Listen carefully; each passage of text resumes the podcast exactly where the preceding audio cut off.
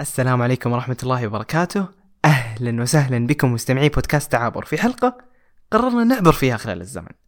وبنتكلم عن قصة حيرت الكثير من الناس واللي ما زالت بمثابة لغز ما حصلنا له حل إلى حد الآن. سيدة واحدة فقط تأثر بمجرد القرب منها أكثر من 28 شخص. لكم أن تتخيلون أن في تلك الليلة وفي غرفة هذه السيدة تحديدا تهاوى الطاقم الطبي حول المريضة واحدا تلو الآخر وسقطوا على الأرض بدون أي سبب مقنع. لحظة لحظة. خلونا ما نستبق الأحداث ونبدأ القصة من بدايتها. في عام 1963 ميلاديا ولدت غلوريا راميريز في ولاية كاليفورنيا في الولايات المتحدة الأمريكية. غلوريا كانت محاسبة وزوجة وأم. لكن بعد ولادة طفلتها الثانية وبما أن الدنيا فرح وحزن توفي زوجها وأصبحت أرملة للأسف ولازمها شعور بالتعب والإعياء لمدة طويلة. في البداية توقعت أن مجرد حزن على وفاة زوجها لكن الصدمة أن الفحوصات أثبتت إصابتها بسرطان عنق الرحم وللأسف كانت في المراحل الأخيرة منه. مرت الأيام وجاء اليوم التاسع عشر من فبراير من عام 1994 ميلاديا. هذا التاريخ كان يصادف يوم ميلاد طفلتها الصغرى. زينة وكيك ميلاد وحلويات وأحباب في كل مكان والدنيا حلوة إلى أن جاء وقت إطفاء الشموع. حست جلوريا بتعب شديد وفي ذيك اللحظة وفجأة وبدون أي مقدمات أغمي عليها. وكانت هذه بداية أحد أكثر القصص غموضا في التاريخ. وفي الجانب الآخر ليلة التاسع عشر من فبراير من منظور قسم الطوارئ في مستشفى ريفرسايد كانت ليلة هادئة وطبيعية جدا. ضحايا حادث سير هنا وطفل يعاني من نوبة ربو هناك ومريضة توهم أحضروها المسعفين. جلوريا جت لقسم الطوارئ في حالة لا تحسد عليها. نبضات قلبها تسبقها من سرعتها وهذا الشيء منع حجرات القلب من الامتلاء بالدم لضخه وبالتالي انخفض ضغطها. وعلى الرغم من إنها كانت واعية إلا إن كلامها ما كان مفهوم وتنفسها ما كان يكفي لاشباع حاجة جسدها من الأكسجين بسبب ضعفه وسرعته كأشخاص عاديين ممكن نحس بالخوف بعد كل هذه الأهوال إلا إن الأطباء متعودين على التعامل مع مثل هذه الحالات. ففعلا باشروا بإعطائها بعض المهدئات مثل لورازيبام وبعد كذا أدوية مضادة لاضطراب ضربات القلب. مع استعمال جهاز الإنعاش اليدوي لمساعدتها على ضخ الأكسجين إلى رئتيها. للأسف باءت كل هذه المحاولات بالفشل ولم تتحسن حالة جلوريا. فقرر الأطباء استعمال جهاز مزيل الرجفان اللي أغلبنا نعرفه من الأفلام والمسلسلات. أيوة هو اللي يصرخ الطبيب قبل استعماله ويقول كلير. للمعلومية طريقة عمل هذا الجهاز هو توجيه صدمة كهربائية عن طريق أقطاب موضوعة مباشرة على الجلد. ومن هذه اللحظة بدأت الأحداث تأخذ مسار مختلف تماما. صار الوضع غريب جدا بعد ما لاحظ الطاقم أن جلد جلوريا صار يلمع مع وجود طبقة زيتية تغطيه. والوضع ما وقف على كذا لا أيضا كانت في رائحة شبيهة برائحة الثوم تسربت إلى الجو. يعتقد أنها طالعة من فم جلوريا. ولكن ما في وقت للتفكير في هذا الأمر. المريضة كانت بين الحياة والموت. ولهذا أخذت الممرضة إبرة ودخلتها في ذراع جلوريا لسحب عين الدم ولكن هل من الممكن أن يكون للدم رائحة أمونيا؟ بدأت الصورة تلتبس على الممرضة وحست بدوخة فناولت الإبرة للممرضة الأخرى وبعد كذا للطبيبة اللي لاحظت كريات بيضاء عائمة في الدم بالإضافة إلى رائحة الأمونيا اللي كانت قوية جدا وطاغية بعد كل هذه الفوضى الغريبة هل تتوقعون أن الأمر يعتبر عادي؟ لا طبعا. الموضوع ما كان عادي أبدا حتى بالرغم من معرفتنا بإصابة جلوريا بسرطان عنق الرحم. لأن العلاج الكيميائي المستخدم نقدر نقول مستحيل يأثر على الدم بهذه الطريقة. واللي ما كان عادي برضه هو سقوط الأشخاص اللي مسكوا الإبرة بداية من الممرضة اللي سحبت الدم وبعدها الممرضة الثانية وختاما بالطبيبة. نرجع لجلوريا اللي أغلب من تعامل معها كان يشعر بإرهاق. خوفا على المرضى الآخرين والعاملين من المجهول تم إصدار أمر بإخلاء جميع من في الطوارئ إلى مواقف السيارات. أكيد تبقى عدد من الطاقم الطبي لمحاولة إنقاذها ولكن جات ساعتها وتوفت بعد 35 دقيقة من محاولة إنعاش قلبها تحديدا في تمام الساعة الثامنة والخمسين دقيقة. نتيجة للفشل الكلوي الناتج عن سرطان عنق الرحم والذي أدى إلى توقف قلبها مباشرة. وبشكل سريع اثنين من العاملين جاءوا لعزل جثمان جلوريا واللي تم تشريحه بعد خمسة أيام. في حين تولى فريق مختص مهمة تفقد الغرفة اللي كانت فيها جلوريا في سبيل البحث عن تسرب غاز أو مواد كيميائية. ولكن الصدمة كانت إن ما في أثر. الغرفة نظيفة تماما. مشاعر متضاربة من الفرح لأن ما في تسرب غاز والقلق اعترت المسؤولين والعاملين. فثمانية وعشرين شخص منهم تضرر بدرجات متفاوتة زي ما ذكرنا في بداية الحلقة لو تذكرون. أشدها الطبيبة اللي أمضت أسبوعين كاملة في العناية المركزة. قد تتساءل يا عزيزي المستمع وتقول ليش ما يفحصون عينة دم المصابين بحثا عن المادة السامة؟ وبكذا نحل اللغز وتنتهي القضية ونقفل الدنيا. الإجابة هي أن عينة الدم أخذت منهم جميعا في وقت قريب من الحادثة ولكنها عادت بدون أي فائدة تذكر.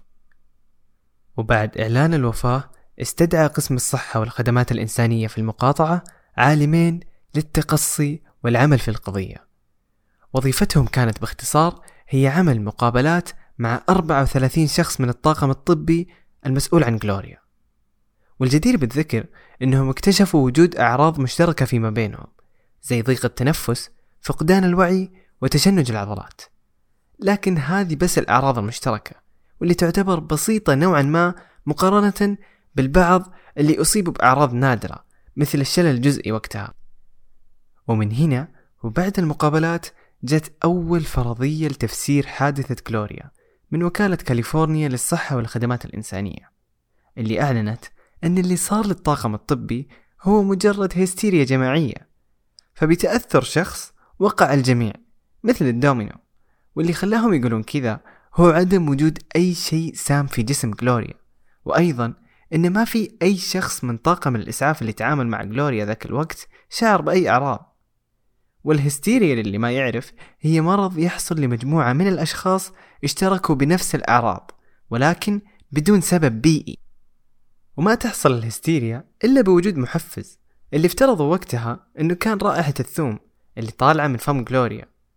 لكن هل معقول أن طاقم في قسم صميم أمله الحالات الخطرة ويشوفون مرضى يغمى عليهم يوميا يصابون بهستيريا من رائحة ثوم فقط؟ عموما الطبيبة والممرضة نفوا أنهم كانوا ضحايا هستيريا جماعية. الفرضية الثانية كانت من مختبر لورنس ليفرمور الوطني واللي كان مسؤول عن جثة جلوريا وتحاليلها. للعلم المختبر شرح جثة جلوريا ثلاث مرات من كثر الحيرة في القضية. وفي النهاية أعلنوا وجود نسبة عالية جدا من مركب يدعى دايميثال سلفون كان موجود في جسم جلوريا اللي زي ما ذكرنا سابقا كانت في مراحل متأخرة من سرطان عنق الرحم.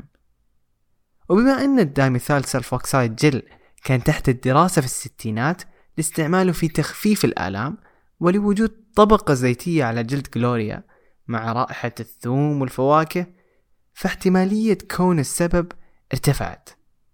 يعني ممكن نفترض أن جلوريا فقدت الأمل من الطب فاستخدمت هذا الجل اللي كان ينباع بشكل طبيعي في الصيدليات والأسواق لتخفيف ألمها ولاعتقادها أنه ممكن يعالجها من السرطان.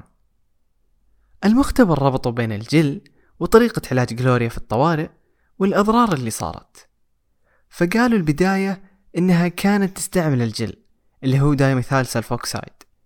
وبعدين يوم جت وهي مو قادرة تتنفس وأعطاها أكسجين هذا الأكسجين ساهم في تحول المركب إلى دايميثال سلفون.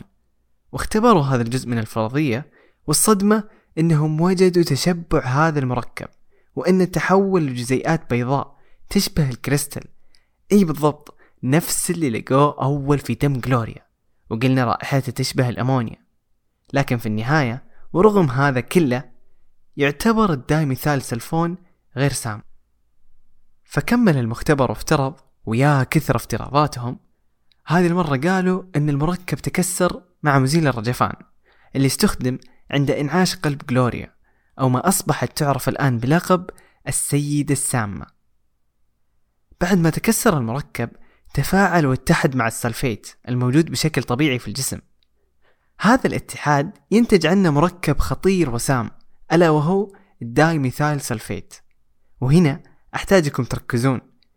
هذا مركب مختلف عن اللي قبل شوي. صحيح أسماءهم متشابهة لكنهم يختلفون بالتأثير فرق السماء عن الأرض. هذا المركب يسوي مصائب كثيرة منها تلف القلب والكلية والكبد. وليته قاعد على كذا أيضا ممكن يسبب شلل وتشنجات. وهذه الأعراض تتشابه مع كل الأعراض اللي جت للطاقم بعد قضية جلوريا باستثناء الغثيان والتقيؤ عشان نكون دقيقين. الحين بعد ما سمعتوا هذا كله أكيد تتوقعون أنه هو التفسير الصحيح وأنه بدون شك هذا اللي حصل لكن للأسف هي مجرد فرضية لأن المختبر ما كمل معروفة وأجرى تجربة بل مدير المختبر نفسه قال إحنا ما قلنا هذا اللي صار لكن هذه فقط أشياء المفروض الناس يحطونها بعين الاعتبار. وفي الأساس الفريق المختص ما وجد أي أثر للمركب سواء في الغرفة أو في عينات الدم المأخوذة من المصابين ولا حتى في جسد جلوريا نفسها. وأيضا ثبت أن الأشخاص اللي يتسممون بالدايميثال سلفيت تظهر عليهم الأعراض بعد عدة ساعات مو مباشرة مثل ما حدث في قصتنا. والأدهى والأمر أن عائلة جلوريا نفت استعمالها لهذا الكريم من الأصل.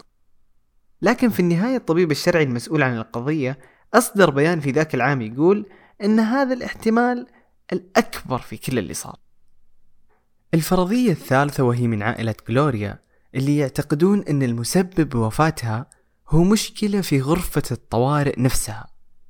واستشهدوا بأن قبل وفاتها بثلاث سنوات تلقى عاملين في المستشفى العلاج بعد التسمم بالغاز. وأيضا في عام 1993 ميلاديا قبل وفاة جلوريا بسنة اكتشف وجود غاز صرف صحي بعد التفتيش في أحد غرف الطوارئ. تقول أخت جلوريا أنا أؤمن أن لو أختي راحت لغرفة طوارئ ثانية ما كانت راح تتوفى ذيك الليلة. أنا ما أدري المقاطعة خايفين من إيش بس حنا نحتاج إجابات عن اللي صار. فمن كلام الأخت واضح أن العائلة تعتقد أن القضية تم التستر عليها من قبل المقاطعة. وبخصوص موضوع التستر للأمانة في ثلاثة أشياء حصلت ممكن تدعم هذه الفرضية. الأولى أن نائب الطبيب الشرعي للقضية في البداية قال أن وفاة جلوريا كانت غير طبيعية. لكن الغريب أن بعد ما أعلنت المقاطعة عن نتائج تشريح الجثة غير رأيه فجأة وقال أن الوفاة كانت طبيعية. هم مثير للاهتمام صح؟ الحدث الثاني هو انتحار محققة من كبار المحققين في مكتب الطبيب الشرعي المسؤول عن قضية جلوريا بحيث صرح أن السبب في انتحارها هو ضغط القضية الكبير اللي كان عليها. والحدث الثالث واللي يعتبر غريب وفعلا غير متوقع من مستشفى مرموقة هو أن الإبرة اللي استخدمت في سحب الدم من جلوريا يقال أنها كانت مستخدمة مسبقا والمفترض أنها انرمت واستبدلت. ويقال أيضا أن وجدت نسبة في دم جلوريا من النيكوتينامايد اللي بالعادة يخلط مع الميثامفيتامين اللي هو نوع من أنواع المخدرات. المهم أنهم يقولون في مصنع ميثامفيتامين سري في المستشفى. والمستشفى جابوا العيد وأعطوا جلوريا كيس محلول من هذا المصنع بالغلط بدل ما يعطونها محلول طبيعي أو إن حصل تسرب.